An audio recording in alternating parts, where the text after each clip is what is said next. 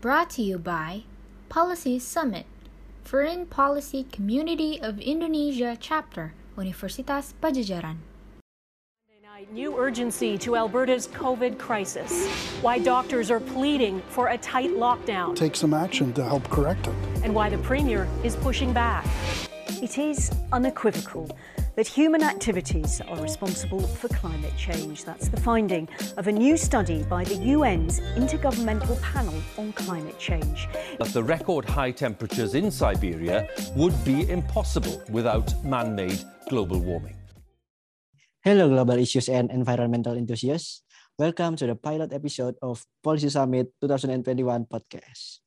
Kenalin nih, aku Javier dari Divisi Konten Strategis yang akan menemani kalian di kesempatan kali ini sebagai host. Sedikit latar belakangku, aku dari jurusan Hubungan Internasional, Fakultas Ilmu Sosial dan Ilmu Politik Universitas Pajajaran Angkatan 2021. Nah, di kesempatan kali ini aku nggak sendirian. Aku ditemani sama teman aku. Say hi dong. Hai semuanya, kenalin aku Syafa dari Divisi Konten Strategis juga nih.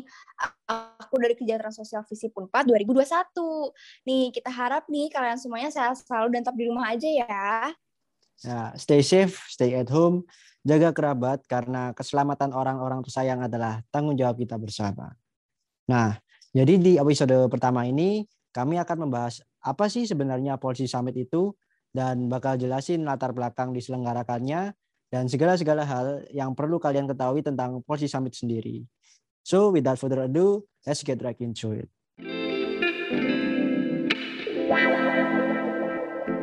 Nah, pasti beberapa dari kalian banyak yang bingung.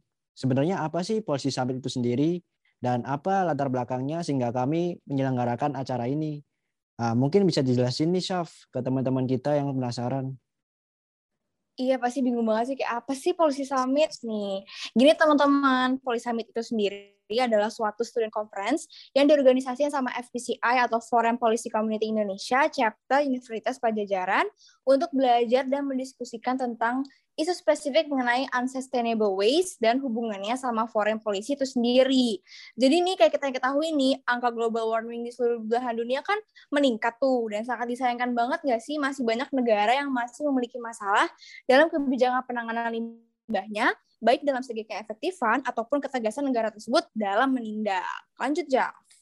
Nah, bener banget, Syaf. Karena sekarang penanganan limbah dan sampah itu uh, istilahnya ya bagi aku itu is a burning issue in the modern world karena dampaknya itu penting dan sangat krusial bagi kehidupan negara tersebut dan lingkungan di sekitarnya. Uh, penghindaran, pengurangan dan pengurangan limbah itu bagian yang sangat penting dari pengelolaan limbah. Ini berkaitan banget sama grand team yang bakal kita usung di acara ini yaitu Unsustainable Waste Cooperation to Achieve Effective Waste Management Policy. Nah bener banget Jaf, jadi nih kita nih pasti berharap banget nih dengan diadakannya Police Summit ini akan menghasilkan sebuah resolusi yang pada nantinya akan membantu mengefektifkan kebijakan penanganan limbah baik dalam skala nasional maupun internasional. Nah bener banget Syaf, di penyelenggaraan Policy Summit ini bakal ada tiga chamber pembahasan yang bakal kita diskusikan yang terdiri dari yang pertama adalah fast fashion industry and and its implication to environmental pollution. Terus yang kedua ada export and import of hazardous waste dan yang terakhir ada waste management during the COVID-19 pandemic. Mungkin di kesempatan ini kita kasih brief explanation for every single of our chambers ya Chef, biar teman-teman dapat gambaran sedikit tentang chambers ini. Boleh banget, Jaf. So, I'll start with chamber one ya, yaitu fast fashion industry and its implication to environmental pollution. Seperti yang kita tahu nih, industri fashion ini tuh kayak bertanggung jawab banget nih atas lebih banyak emisi karbon tahunan daripada gabungan semua penerbangan internasional dan pelayanan laut. Kayak wow banget. If the industry maintains its course, peningkatan 50% dalam emisi gas rumah kaca diperkirakan akan terjadi dalam kurun waktu satu dekade ke depan. Gila banget nggak sih? By analyzing the root causes of the problem, the next steps are easier to understand as we can connect the dots and create solution on how to manage masalah ini yang udah lama banget mengalami kendala dalam penanganan penanganannya. Uh, the same thing goes for the second chamber. Terus di second chamber ini kita bakal diskusiin tentang ekspor dan impor hazardous waste atau limbah-limbah berbahaya atau limbah B3. Sudah menjadi sebuah rahasia umum kalau kurangnya regulasi perdagangan limbah global dan kebijakan yang gagal itu memungkinkan negara-negara berkembang ataupun tidak tidak menutup kemungkinan negara-negara terbelakang menjadi tempat pembuangan akhir limbah-limbah beracun. Nah, jumlah limbah ini sangat berbahaya kalau terus meningkat dan tidak ditanganin karena untuk di untuk penduduk di negara tersebut akan meningkatkan risiko yang tidak proporsional yang bakal dihadapin di warga negara tersebut. Safe and efficient disposal of this hazardous waste is a critical component of a comprehensive response effort. Oke, okay, sekarang kita nih bakal ke chamber ketiga nih. Untuk chamber ketiga nih, Jaf, atau chamber terakhir, kita bakal bahas waste management during the COVID-19 pandemic. Pandemi COVID-19 ini kan terus berdampak nih pada sistem perawatan kesehatan dan sistem pengelolaan limbah kita ada peningkatan volume bahan yang dibuang dari kegiatan perlindungan kesehatan, diagnosis medis, pengobatan, dan penelitian ilmiah. Safe and efficient disposal of this medical waste is a critical component of comprehensive response effort.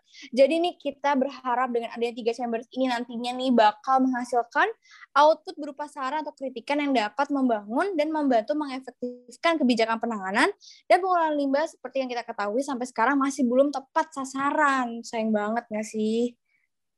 Bener banget, Chef. Uh, kayaknya kita lanjut aja nih ke sesi terakhir, yaitu penjelasan teknis acara timeline dan frequently asked questions.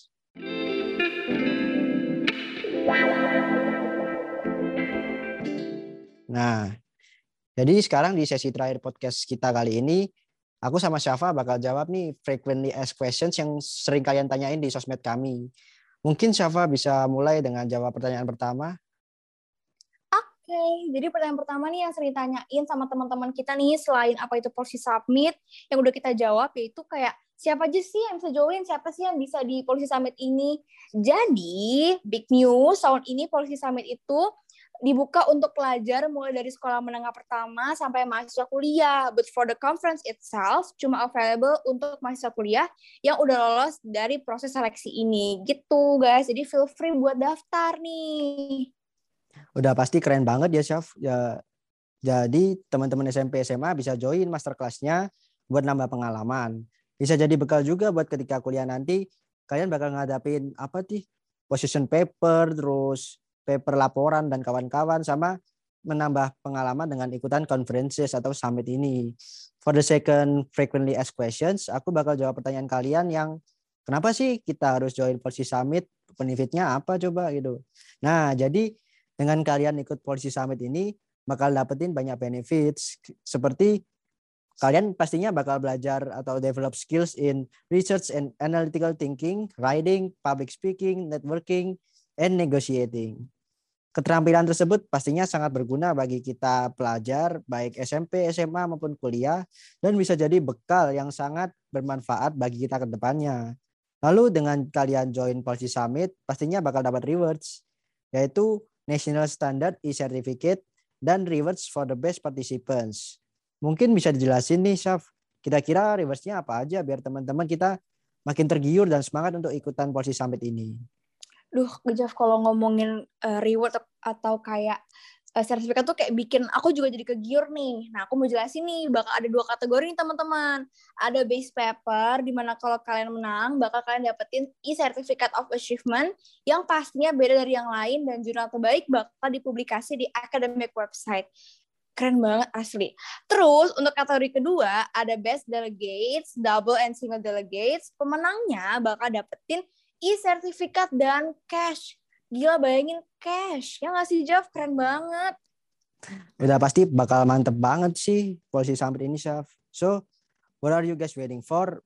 Buru join karena benefitsnya as mentioned above banyak banget dan menguntungkan buat kalian semua.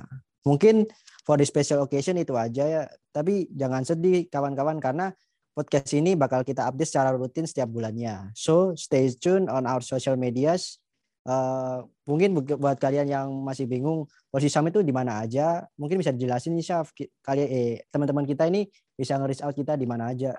Ya, udah berpisah nih, Jaf. Bentar banget nih ngobrol-ngobrolnya.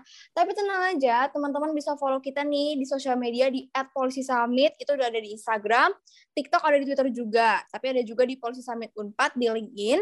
And you guys can add online official account for further update. And that's a wrap for today. Makasih banyak ya Chef udah nemenin aku di kesempatan kali ini. Dan terima kasih banyak teman-teman for tuning in with us. Stay healthy and most importantly, stay at home guys. Bye-bye. Bye-bye. New urgency to Alberta's COVID crisis. Why doctors are pleading for a tight lockdown. Take some action to help correct it. And why the Premier is pushing back.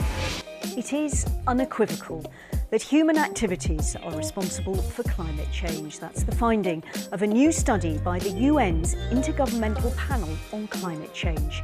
That the record high temperatures in Siberia would be impossible without man made global warming.